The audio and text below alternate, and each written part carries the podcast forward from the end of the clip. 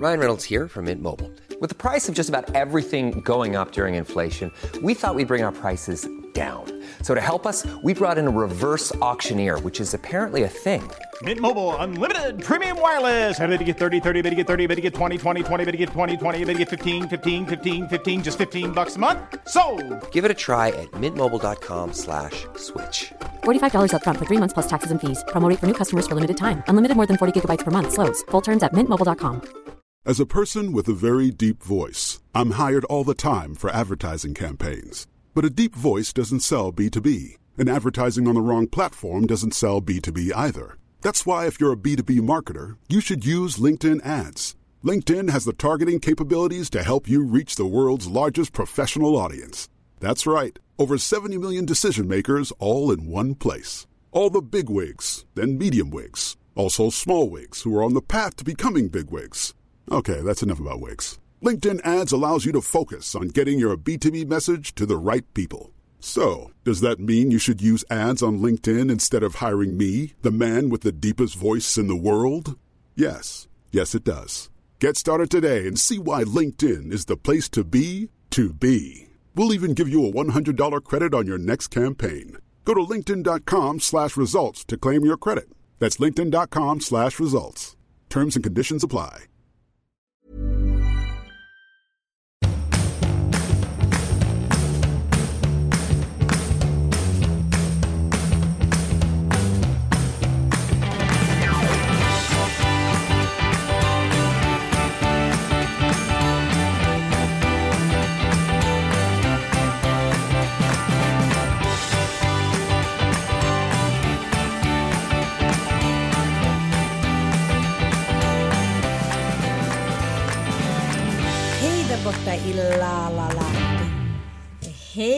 Där borta i, ja, snörikeland. Som jag förstått det. Ja, jag eh, har ju nu kommit på att jag eh, också kan titulera mig som vädersierska. Jaha, oj, Ja. wow. Nej, men jag sa ju att det kommer bli en varja vinter den här vintern. ja, jag tycker jäkligt synd om alla uteliggare och hemlösa måste jag säga. Ja, och de som sitter och tigger under en filt, alltså det, det gör ont. Ja, jag gick precis ner på stranden här i Santa Monica och eh, då låg det en eh, uteliggare eller tiggare, eh, jag vågar inte definiera, och sov liksom rakt på beachen. Och nog för att det är lite kyligt här på kvällarna, men eh, de har det bra, så kan man ju säga. Jämfört Ja. med andra typer av uteliggare och tiggare. Undrar vi alla som lyssnar här eh, på Lille Lördag, hur gick det med flygresan med Tom Allan? Nej men som jag har bävat för denna flygresa med Tom Allan. Ja, eh, nej men det är ju liksom, det är någonting som är en mental förberedelse. Det är som att gå i en rond liksom. Nu, så här, nu ska du hålla ut här i 12 timmar. Förmodligen blir det ingen sömn. Jag är själv väldigt dålig på att sova på flygplan. Så um, äh, men jag, jag, jag förberedde mig på det värsta och det började bra. Han började med att kräkas ner sig själv i taxin på väg ut. För att sen van, vagnvägra, för att sen skrika maniskt och paniskt höll jag på att säga i 20 minuter när vagnen då checkades in. Eh, för att sen sätta sig mitt vid liksom, tullen där när man går igenom själva, ja, ni vet själva den här portalen eller vad jag ska kalla det för. Som leder till andra sidan. Att vägra gå igenom den och sen sätta sig mitt på golvet och vägra flytta på sig. Under tiden jag försökte stänga väskan där lite i panik när jag hade packat upp iPad och allt. Och så vidare och så vidare. Men för att sen komma på flyget och tvärsomna direkt. Och sen så sov han och chillade i de första sju timmarna. Och så var han lite liv i luckan i tre timmar. Och sen så sov han i två timmar. Så det Wow. var ju piece of fucking cake. Det måste jag ha varit bästa flygresan hittills med honom. Nej, men jag har aldrig varit med maken. Men det är också det som är grejen. Nu börjar man ju så här vid två och ett halvt. Jag har ju alltid sett liksom, småbarnsåren som så här fem liksom, trimestrar eller vad jag ska kalla det för. Alltså fem st- stycken halvår. Och för varje halvår blir det lite enklare. Och när det har gått fem stycken då är man liksom på andra sidan. Och när det är tre så funkar, när de är tre så funkar allt liksom. Och det, det är så, Så-. Nu har Ja. jag eh, kan inte klaga på Bob Allan. Han har inte varit någon, någon super jetsettare hittills. Han går mest omkring och liksom Han är lite som Åsa-Nisse. Ja, han är- ja. Tom Allan just nu. Vi får Väldigt berest barn. Vi får bli, se hur det blir med Frasse fransosen. Men det är alltså tredje, nej det är fjärde gången tror jag det är i USA. Är det Sen han sant? föddes. Ja, Ah, så okej. vi har ju rest en del. Har det varit värt det? Vad sa du? Jag bara tänker, så där höll jag ju på med mina första också.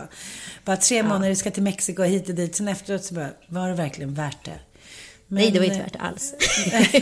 Men det finns ju fler i familjen också. Så. Jo, jag vet. Ja, så att allt är bra. Du bor på någon liten lyxpang. Jag hörde att det kostade typ 600 spänn för en pizza, eller vad kostar det?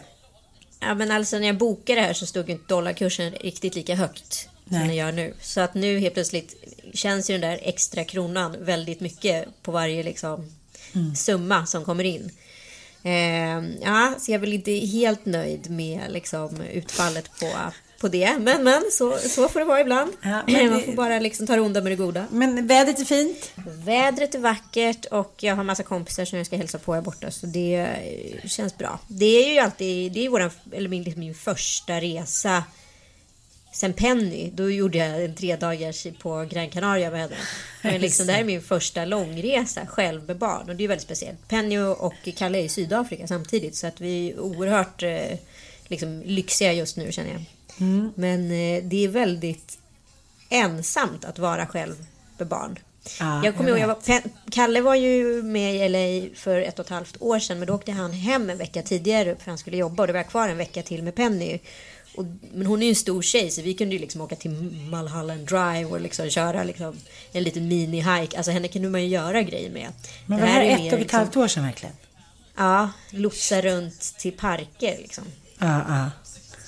Så ja, det är speciellt. Vi får se hur det går. Men, Ja, men det blir så eh, jag känner tyst också när man åker själv. Man är så här, jaha. Det är alltid sånt halabaloo när man är så många. Det är alltid någon som liksom tjoar hojtar och är vaken eller vill ha någonting eller skrattar eller gråter eller bajsar eller liksom tokar loss. Och sen när man åker med ett barn då bara, hallå? Hör du mig? Sen är, sen är det ju en liten kräsen jävel där. Det är ju såhär, nej inte det newsen, äckligt. Det är typ hans så här tredje bäst uttalade ord. Äckligt. Ja, men den kör Bobban också med. Var har de lärt sig det? På dagis? Ja, fan är det liksom? Ja. Vad är det för attityd till att börja Äckligt med? mamma, äckligt. Säger han om bebisen ganska ofta. Äckligt mamma. Men fransosen skötte sig bra, han skötte sig bra, han skötte sig bra. Jag har tänkt på massa grejer. Vi har ju hur mycket ämnen som helst att prata om. Och dessutom skulle jag vilja uppmana alla lyssnare som lyssnar att så här. Vi fick en sån otroligt gullig information från Acast. Att deras, eh, alla tjejerna på, de, på avdelningen har köpt eh, biljetter till julshowen. Så de ska gå som en liten så här mini-tjej-grej. Liksom, på våran kändpressen. julshow. Nej men alltså hur Ja. sjukt? Och sen så är det några tjejer från Oslo som flyger över. Alltså, Kändpressen, Ann, vi måste leverera här känner jag. Men det är en ganska bra grej att göra då. Så att så här, eh, liksom, gå på julshow helt enkelt med tjejkompisarna på jobbet. Så gå in på Showtick nu och eh, riv åt er de sista exklusiva biljetterna. Eh, vi är mitt under arbetet, vi har precis spelat in med Hasse Aro, mer kan jag inte avslöja. Nej, mycket Nej. spännande. Mycket spännande. Men du, vi måste ju, nu blir det här ju inte riktigt al dente eftersom man måste spela in eftersom man måste klippa det. Så att du sitter där nu eh, faktiskt på ett liksom, historiskt mark. Det är det viktigaste valet tycker jag i amerikansk historia. På något ja, sätt. alltså det är Eh, väldigt ödesmättat här på något märkligt sätt. Alltså vallokalerna öppnade ju nu här för tre timmar sedan. Det är inte speciellt mycket trafik ute. Nej. Nu kan ju inte vi säga hur det går för att eh, ja, det här kommer ju som sagt vara avgjort när podden kommer eh, imorgon då helt Vi enkelt. kan bara Men, be. eh, Vi kan bara be. Men jag får i alla fall intrycket av när jag kollar på dels flödena på Instagram. I och för sig har, ju väl, har alltid varit väldigt demokratiska beroende på om man följer så här Ja, artister absolut. eller liksom. eh, Men tv-reklamer och sånt och också det som debatteras på nyheterna. Det, det jag orkat tagit in på den korta tid jag varit här. Känns det som att det är folk till och med republikaner uppmanar att eh, rösta på Clinton för, för att säkra framtiden. Då förstår man att det är ganska tufft läge. Wow. Ja, det, det har ju Mm. varit liksom eh, quisling-läge hela den här valkampanjen. Ens egna sticker en i ryggen. Det är ju väldigt ovanligt i politik. Man säger stick to your hubby. Jag såg faktiskt men en, en, en väldigt spännande dokumentär om Hillary Clinton. Clinton. Ja.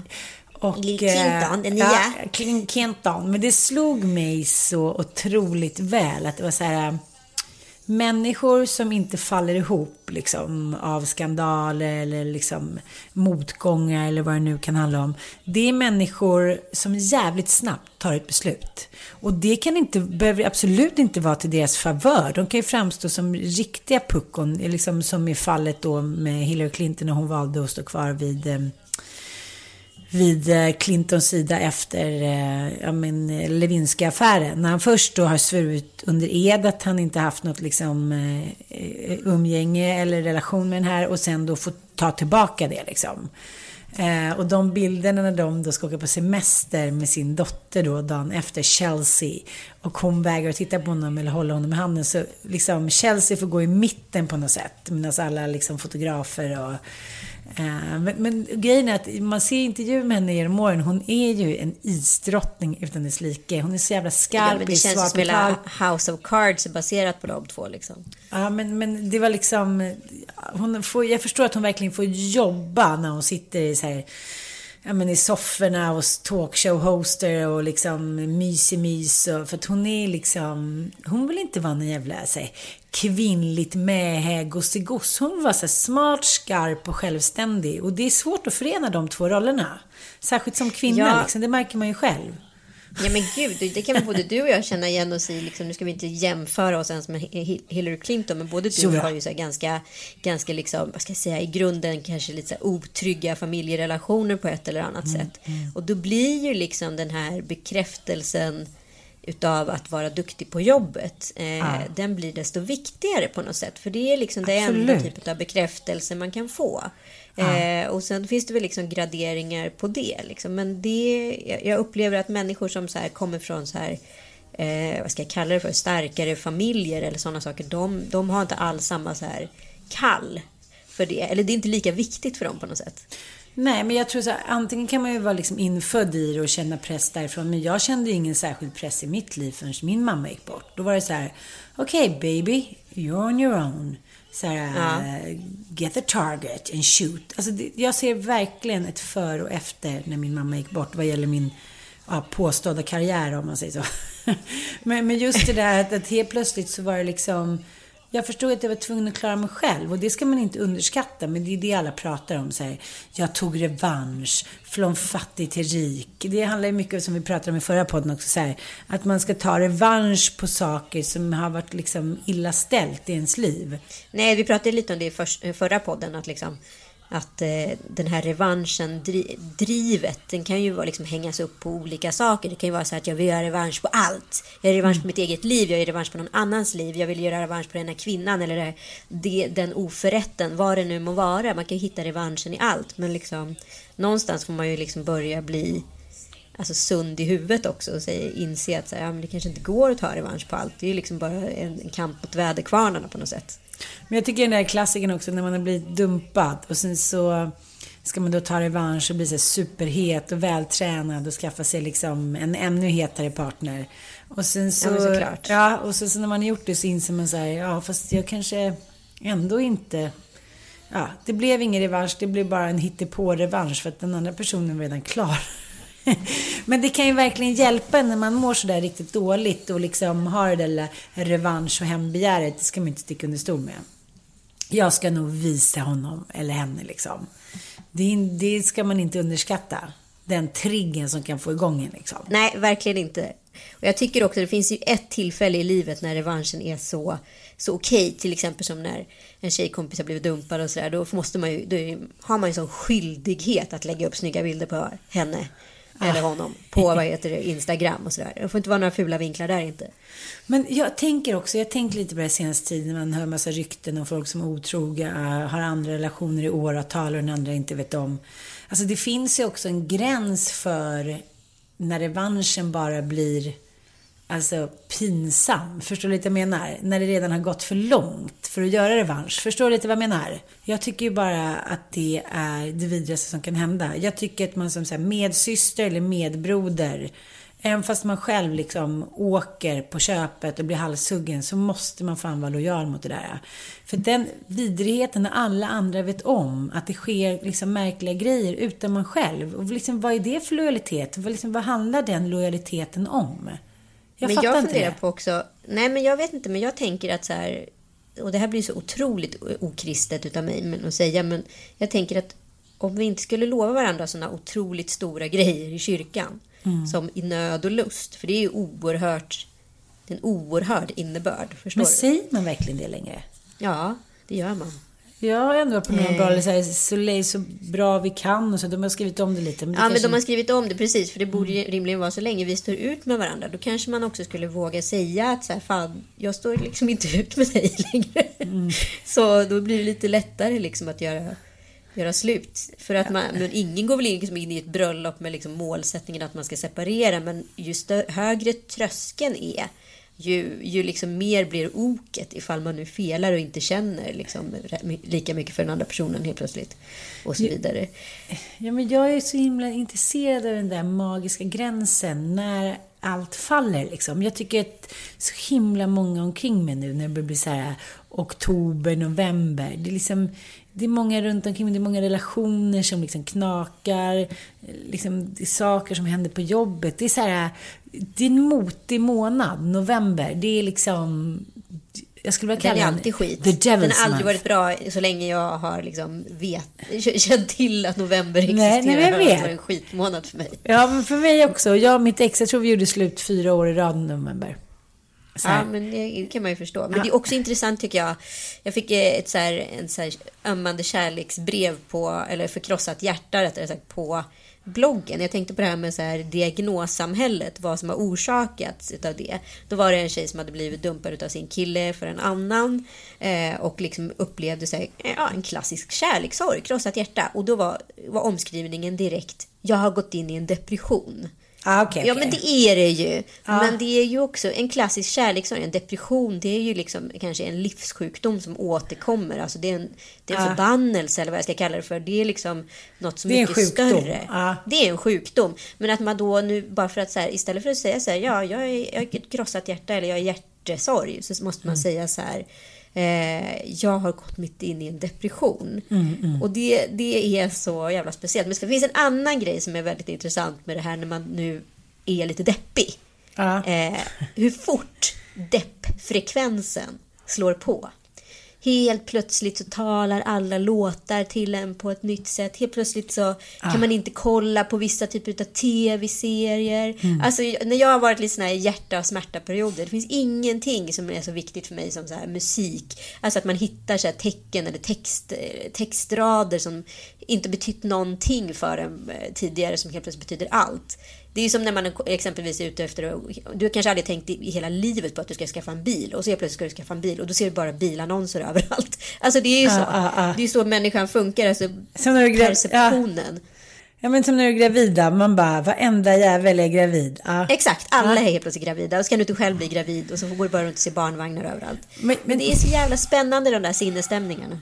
Men jag tycker det där är så spännande det här med att man säger att man blir deprimerad eller går in liksom i en depression. Alltså så här, hela människans liv består ju av en lång radda minikriser eller större kriser. Det får ju människan lära sig att hantera liksom.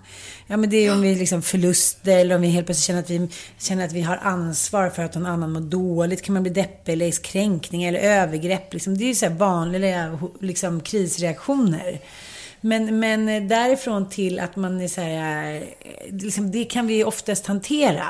Men därifrån till att man hamnar i så här konstant depression, det, det handlar ju mer om ett sjukdomstillstånd. Så det, ja. nu när jag har liksom ganska nyligen gjort den här då serien, Djävulsdansen 2, som handlar om psykisk ohälsa, då tycker jag att man ska vara lite försiktig med det där. Fast man kan ju verkligen känna sig så jävla deprimerad. Alltså förlåt att jag svär, men Eh, ja, men när det väl tog slut då med mitt ex och mig, då skedde det ju såklart då i november. Ja. Och det enda jag kände det, så här, Det är inte den roligaste månaden nej, jag bara, att göra slut i. gud, snälla så här, ge mig det i april eller maj eller liksom september. Ge mig, liksom, ge mig lite hopp. Men november då är det så här, okej okay, baby, nu så här, liksom, God kommer att utsätta dig för liksom svåra prövningar. Hela november, hela december, januari, februari, mars, april börjar man... Alltså det är sex månader av så här svärta. När man ska gå igenom liksom det värsta man har varit med om hela sitt liv. Det är inte fair. Nej, och julen. Så vidrigt. Äh, liksom, fy fan sätt. vad den julen var vidrig. Jag, bara, jag går ut och springer lite. Jag kommer ihåg att jag så här, höll på och försökte ha en flört lite grann. Bara för att jag så här, du vet, man måste haka fast sig vid den där sista galgen. Man bara, jag hänger här lite snett. Men i alla fall kanske någon som ser mig. Jag kommer ihåg att jag bara sprang och sprang och sprang. Jag tog selfies. Jag bara så här, jag är tvungen att springa bort varenda liten ångestgrej. Och det har de ju också sagt nu, att de människor som tränar Eh, Alltså fysiskt, som är så vältränade, de klarar sig ju så, här, så sjukt mycket bättre. Från ut, liksom, eh, bli utbrända, från sjukdomar, stressrelaterade och depressioner och allting. Så, så här, därför är det jävligt viktigt att träna. Skulle jag bara Ja, säga. men sen tycker jag att det kommer som ett brev på posten också. Det finns väl ingen gång i livet jag varit så sugen på att just träna när jag liksom varit heartbroken eller liksom att något ben har haltat på något sätt. Liksom, så man bara känner att så här, då, då får man ju panik. Då måste man ju röra på sig. Och jag som är en sån här person som aldrig blir liksom naturligt trött.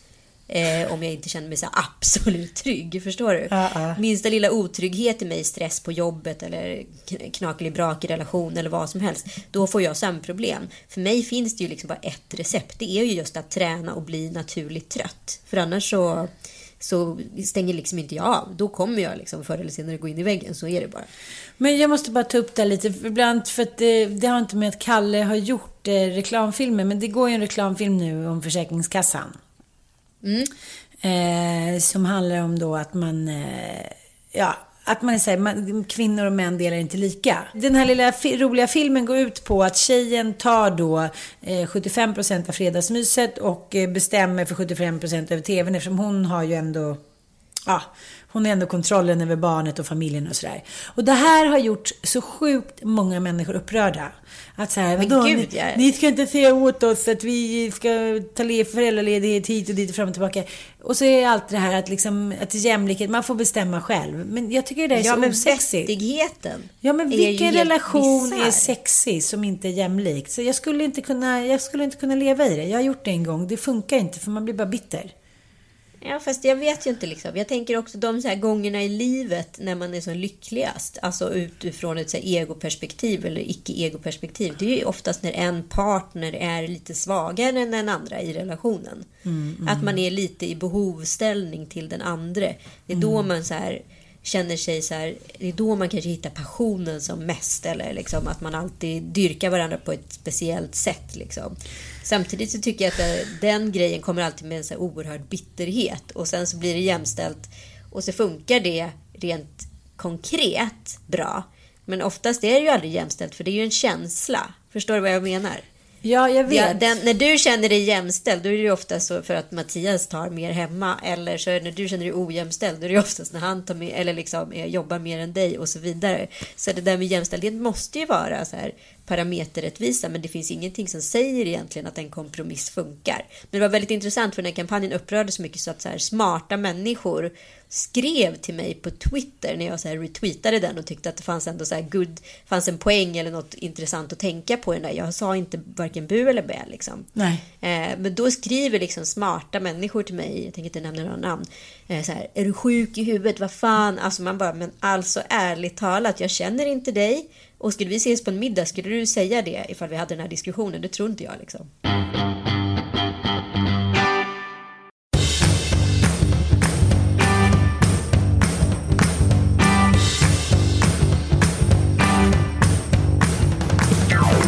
Det är så jävla upprörande. Men tillbaka till Roinen som du gillar att prata om. Fjärrkontrollen. Vi har faktiskt en spaning runt det här.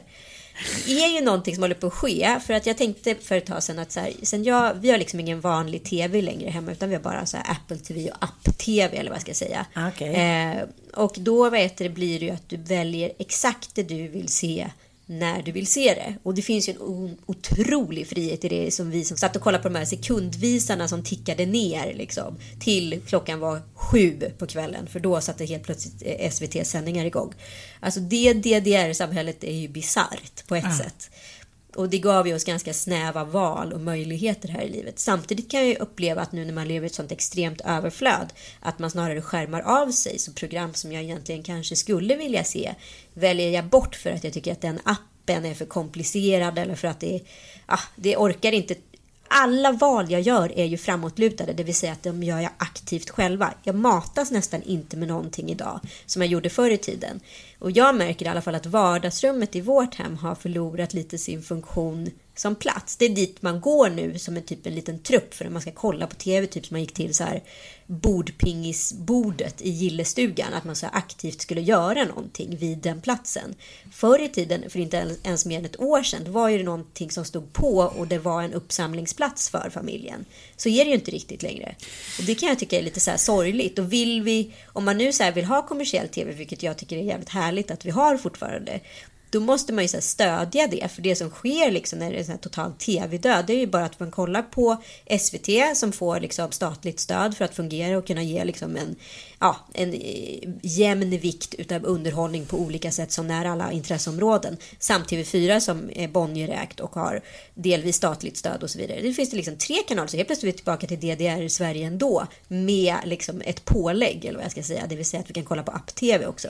Men jag skulle verkligen vilja att så här, att man hittar tillbaka till tv-soffan. För jag kände häromkvällen när jag satt och kollade på hemma hos en kompis på så här vanlig tablå-tv att det är ganska gött att bara sitta och bli matad. För det som sker också i programmeringen när det bara blir så här oerhört cyniskt som det är nu, det är att man tablålägger ungefär som när Aftonbladet väljer liksom klickbara rubriker. Alltså då ser plötsligt tablålägger du bara med program som är så här ja, det här kommer få mycket tittare för att det här är ett skandalprogram. Det här kommer få mycket tittare för att det, det här är ett eh, kontroversiellt innehåll. Och det är ju inte heller bra. Alltså, mångfalden försvinner ju. Men jag tänkte på det när jag var ute i Sverige här och gjorde mitt eh, lilla inredningsprogram för Colorama. Och då träffade jag ja. ju massa familjer och pratade med dem. Och eh, pratade med dem om inredning och hur de levde och så här. Och då slog det mig hur himla liksom vad ska man säga, utmobbat vardagsrummet har blivit.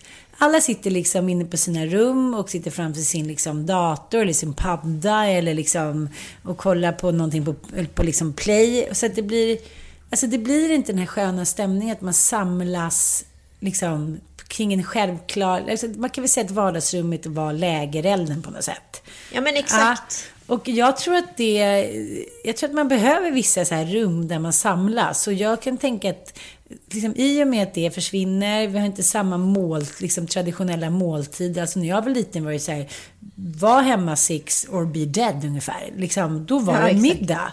Och eh, här hemma med olika aktiviteter, folk kommer hem olika tider, jag frilansar hit och dit. Alltså så här, frilans, liksom vardagen för familjer, så många frilansar eller jobbar liksom lite hiten och ditan. Det blir inte samma sak. Och jag tror att så här, den här gemenskapen som man hade i familjen, den är väldigt lätt att den försvinner typ. Hundra år så bara, vi små ensamma öar på en stor ö. Liksom. Jag tycker det är lite läbbigt. Jag skulle ja, vilja men... att vi uppdaterade och eh, tog tillbaka vardagsrummet. Men nu är det ju som att vi liksom alla lever på en stor prärie med varsin liten mm. lägereld vår lilla, lilla plätt liksom. Mm. Så är alla rädda för varandra. För att det kan alltid finnas ett bakhåll. Så att vi lever ju som värre än grottmänniskor. Men liksom helt utan, utan koppling till varandra. På men, något konstigt sätt. Men jag har ju köpt ju en jätte-TV, en 56-tummare för landet. Nej. När till och med försäljaren var så här, men vet du vad? Jag tycker inte, alltså det här blir nästan liksom obscent. Att du ska ha en tvn på landet. Fruktansvärda liksom. Åbäket. Men du vet de här visionerna man har när man säger nu är det mammas tur typ. Nu ska mamma ligga och kolla på Braveheart.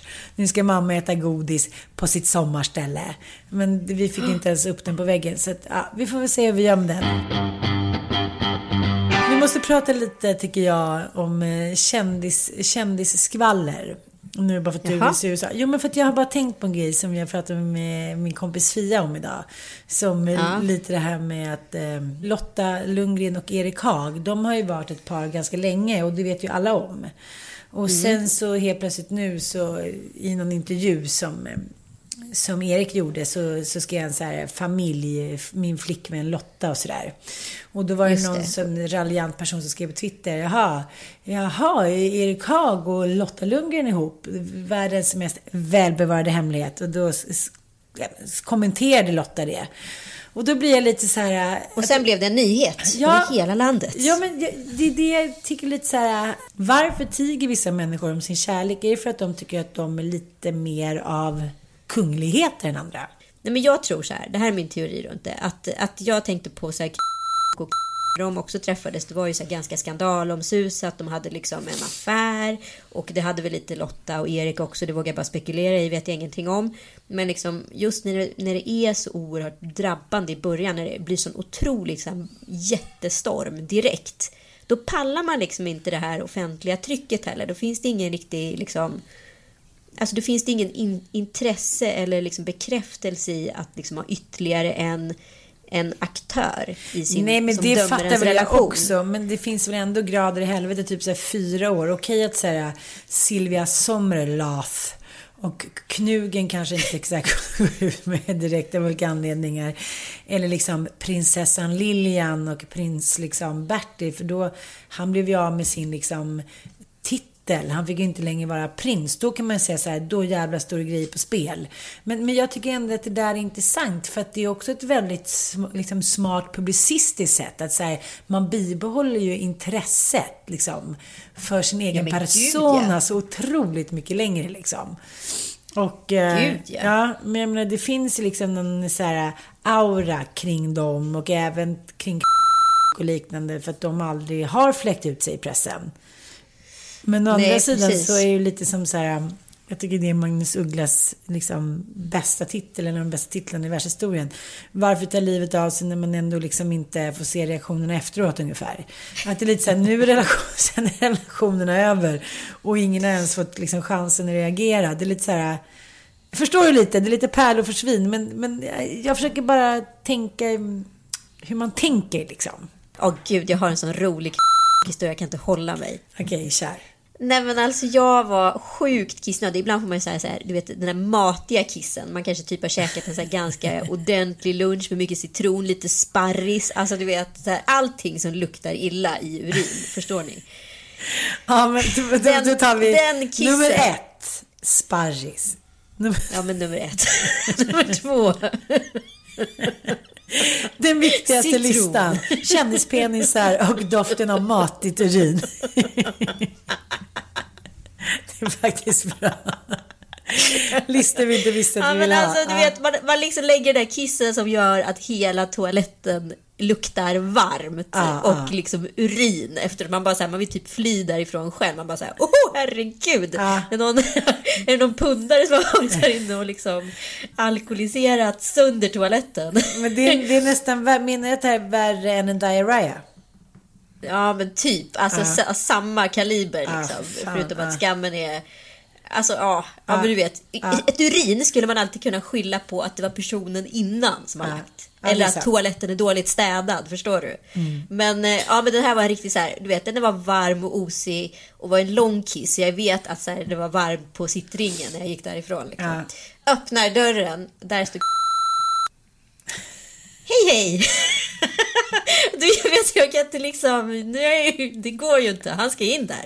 Det fanns en toa på stället. Men, Vad ska jag göra? Ja, men, men tyckte du att det var jobbigt? Ja, fast det hade varit ja, ännu men Det tyckte jag var sjukt jobbigt. Fast det hade varit ännu värre om du hade släppt en riktig kanonjasbomb. En riktig ja, ubåt. Det, det, det ja, men grejen är, för det skulle man ju aldrig göra på en offentlig toalett. Förstår du? Eh, om man inte är absolut akut dålig mage. Man sitter ju inte liksom bara små puttriputtrar man, inne på en toa. Liksom. Nej, om man inte är Nej, men för då skulle man kunna förklara det som gravid. Skulle jag typ... Vad käkat ni för Rex? Ja. Då bara, who cares? Ja. Nej, men då skulle jag ju kunna till och med säga så här, vet du vad, gå inte in här, jag har varit jättedålig i magen och jag vet inte om det är en maginfluensa eller någonting, då skulle ja, jag, till och med säga det. Mm. Eh, men det här går ju inte att snacka sig ur. Jag ska säga, jag käkar sparris till lunch. Men eh, jag ska ju träffa, jag kommer kanske träffa ikväll på Mia Parneviks pyjamasparty. Då kan jag fråga om har nämnt det här. oh, jag kanske ska skita i det. Oh nej, nej, det tycker jag är roligt. Jag tycker att det är bra att vi pratar om så här, vad som sker i kvinnan. Både bra och dåliga ja. grejer. Vi ska inte tiga still. Vi ska inte tiga still, tycker jag. Det, det, ty det, tycker vi är ganska bra på att inte göra. Men ja. vi måste prata mer om mannen. Jag känner jag är inte färdig med mannen än här. Jag har tänkt på en grej. Det här scenariot har utspelats för mig ett par gånger och jag är så jävla dubbel till det här scenariot. Eh, det är ju så här att jag vet några par som har träffats i extremt ung ålder och kvinnan har, har liksom valt att behålla barnet, alltså runt mellan så här 18 till 22 år liksom. Och ja, som kärlek är på den tiden så är den ju väldigt liksom ung och kär och skör och allt vad den är. Och man kanske lever lite på så här, det är du och jag för alltid, jag är jättedum i huvudet. Och sen så blir jag gravid på det här och får hormoner. Så det är ännu mer dum i huvudet och orealistisk. Eh, ja, så jag behåller barnet och eh, sen kanske det tar ett, två, tre, fyra år och det tar slut mellan eh, man och kvinna. Och mannen kanske då väljer att lämna och kvinnan, det kanske går fortare än så, det kanske till och med tar slut under graviditeten. Då kommer ju kvinnan bli förbittrad av den här situationen.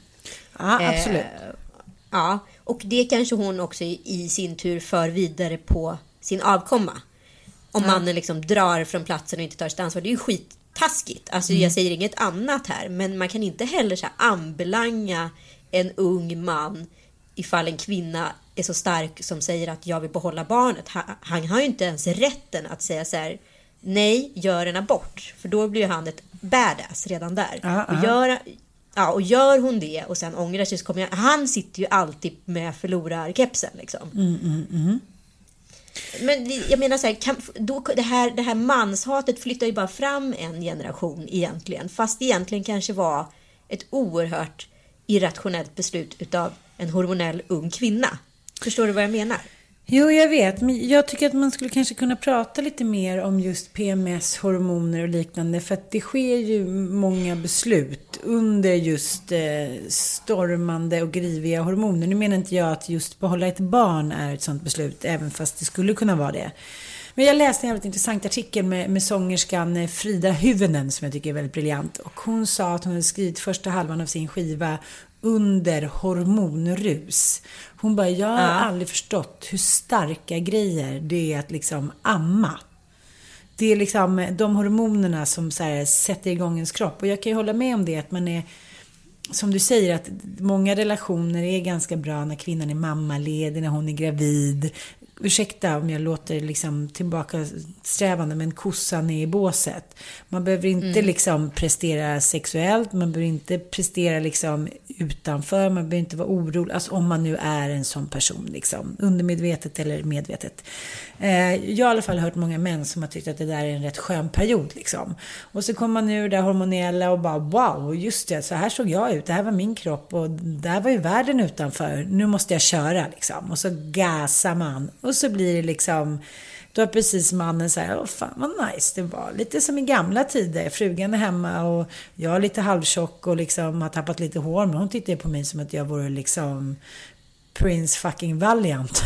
du fattar vad jag menar. Man får ju dimmiga glasögon tycker jag. Hormonella glasögon. Man bara, han ska rädda mig, han ska ta hand om avkomman. Jag blir väldigt förälskad. Har blivit i mina män under så här, graviditet och under amning. Liksom. De är så här, de är så underbara. Och sen så slutar man amma och man bara, ja, okej. Okay. vad är Brad Pitt? Nej men du förstår ungefär vad jag menar. Så Ja det- men absolut. Ja, det finns... ja, men det heter så här, feromoner, vad heter det? Det är de här grejerna som är liksom så oerhört kraftfulla och liksom det är så här, åh gud han luktar godast på jorden. Alltså det här är liksom min man i livet. Han skyddar mig mot allt. Jag vill bara så här, ligga och snosa på honom och vara hans. Men det här är ju Och- ett problem, precis som du sa. För att när man, forskning och undersökningar, särskilt då i, i landet USA, som är lite så här Uncle Sam, going back to the future. Där är det ju så att människor som lever i mindre jämlika förhållanden har mer sex, eh, relationerna håller längre och liksom liknande sådana, tyvärr, astråkig statistik liksom. Att vara jämlik är ju att ständigt strida fortfarande idag, 2016. Så är det faktiskt. Och, Jo men ja. det, det kommer ju alltid kosta någonting. Det vet man ju. Det är de här tre benen. Ekonomi, eh, karriär, eh, familj. Liksom. Något kommer det ju kosta liksom. Att vara jämlik. Så Mm. Ja, är det ju. Men, men det ska vi inte låtsas om. Det ska vi absolut inte låtsas om, utan vi ska säga att det här är bra för framtiden. Men jag säger som sagt, så har jag sagt i en annan podd med, jag tror att så här, bokslutet på det här årtiondet kommer vara så här, ah, det kanske inte var så bra det där ändå. liksom, och sen kommer ju det ta en ny form och sen kommer det också så här, slå runt sin egen axel, förstår du? Så att eh, till sist så kommer ju, ja, ja, det kommer revideras tror jag på ett eller annat sätt. Och vi kanske går tillbaka till någon traditionalism i ny tappning, eller vad jag ska säga. Ja, nej, Men, jag eh, minns min, min första och enda blind date. På Mulholland Drive, Los Angeles. Eh, vi var på en konsert, en Gud vad du reggae-konsert. ljuger, du har haft så många mer blind dates. Nej, jag Fan vad du har tönt haft- det. Jag orkar inte Nej, jag har haft. Och min, eh, ja, helt plötsligt blev jag liksom en liten slampa sådär. Nej, men du tokigt. har, jag har inte haft fler. Okej, men jag vill i alla fall berätta om den här dejten, den enda blind daten som jag minns. Då var vi på en liten reggae-spelning och jag eh, testade det som var hetast i USA då. Lustgas. Här var det några som hade Vadå? lustgas som de hade i bilarna. Ja. Mm. Fick man gå dit va och sen så fick man ta lite där bak i bilen. Så "Åh!" det var liksom, ja det var de drogerna jag testade i USA. Och sen, Den gången. Ja, ja. Och så skjutsade han hem mig och sen skulle han, då var det då payback time. Eller han tyckte det som han hade betalat allting och jag försökte på så här svenskt vis. så här, 19-20 år i svenska. Jag bara I'd like to pay for myself för mina 70 dollar i veckan. Eller vad jag. Tyckte det var otroligt viktigt. Tycker fortfarande sånt är sådär viktigt. Jag är skitlöjlig. Det är kanske för att jag aldrig har varit ihop med någon riktig riking. Hur som helst så, så skulle han då släppa av mig och ville då hångla. Jag vet inte vad han ville göra. Han ville väl plocka fram både det ena och det andra. Men jag bara, hejdå! Och han blev så försmådd. Nu trodde jag han skulle bli åka av med så en, en liksom svensk kopia av så här nyfiken gul. Som bara liksom, han trodde jag skulle vara så lättfotad. Så att det, vilket jag gärna kunde vara, men inte just med honom. Ja, det var min lilla historia om lustgas. En grej som stör mig så otroligt mycket som jag inte bara kan släppa. Det, vet du vad det är? Nej. Vi ska ju åka till Kenya nu. Och då helt plötsligt börjar vi säga, ja, men är Tom Allan vaccinerad eller är han inte liksom? Och då bara så här, ja men det står på det där jävla vaccinkortet. Men alltså förlåt mig, alltså allting har gått framåt och jag har hört talas om att det finns typ en app nu som man själv aktivt kan lägga in vilka vacciner barnen eller man själv har. Men jag tror jag har 18 olika vaccinkort från alla liksom utlandsproduktioner och semestrar och allt vad det är. Vet, jag har så mycket överdoser utav hepatitsprutor och det har väl barnen med. Inte fan har man kvar allting i ett vaccinkort. Det är som att säga så här, du vet inte vad du har för saldo ifall du inte eh, vet vad du har på din ja. bankbok. Eller uppdaterade ditt bankbok som det var på liksom det glada 80-talet. Ja men så var det också när vi kom tillbaka med Frasse Fransosen nu. Hon säger du har väl med ditt lilla gula kort? Vi bara, va? Nej. Det är väl samma sak där. Eller också, Ja. eller också kan vi kalla ditt lilla, din lilla inlägg vad kvinnor tänker på när de sitter för länge själva på flygplan. Det kan man också göra. Det kan man också lägga i den. Men jag fattar. En annan grej som jag tänker på när man ändå så här är inne på lite så här halvdeppiga novemberfrekvenser. Det är en sån jävla depplåt som bara sjunger till mig just nu. Det är Julia Freys version utav eh, Broder Daniels Shoreline. Som även har tolkats utav andra artister. Men den, hon har översatt den och den heter Skuggor. Och de ska vi faktiskt avsluta den här podden med nu tycker jag. Och den finns på Spotify. Men jag tänker också att du sitter där borta i göttesolen. Ska nu gå ner och ta typ en liten Cosmopolitan nere vid poolen och sen gå ner på stranden. Så att vi andra ska sitta här i ett snöigt fucking november och lyssna på Shoreline. Okej, det är det vi fick. Tack Anita Schulman. Ja. Jag älskar dig. Puss puss. Jag älskar dig. Vi hörs på en vecka. Ja, puss puss. puss. Hej. Vi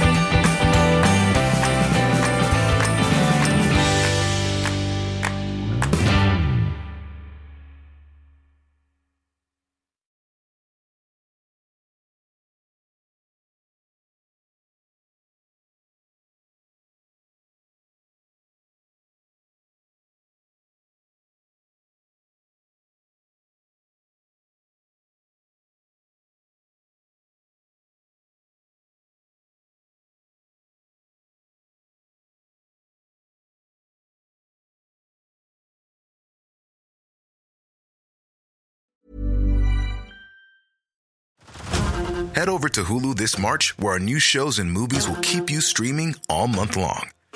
Catch the award winning movie Poor Things, starring Emma Stone, Mark Ruffalo, and Willem Dafoe. Check out the new documentary, Freaknik The Wildest Party Never Told, about the iconic Atlanta Street Party. And don't miss FX's Shogun, a reimagining of the epic tale starring Anna Sawai. So, what are you waiting for? Go stream something new on Hulu. Botox Cosmetic, out of botulinum toxin A, FDA approved for over 20 years. So, talk to your specialist to see if Botox Cosmetic is right for you.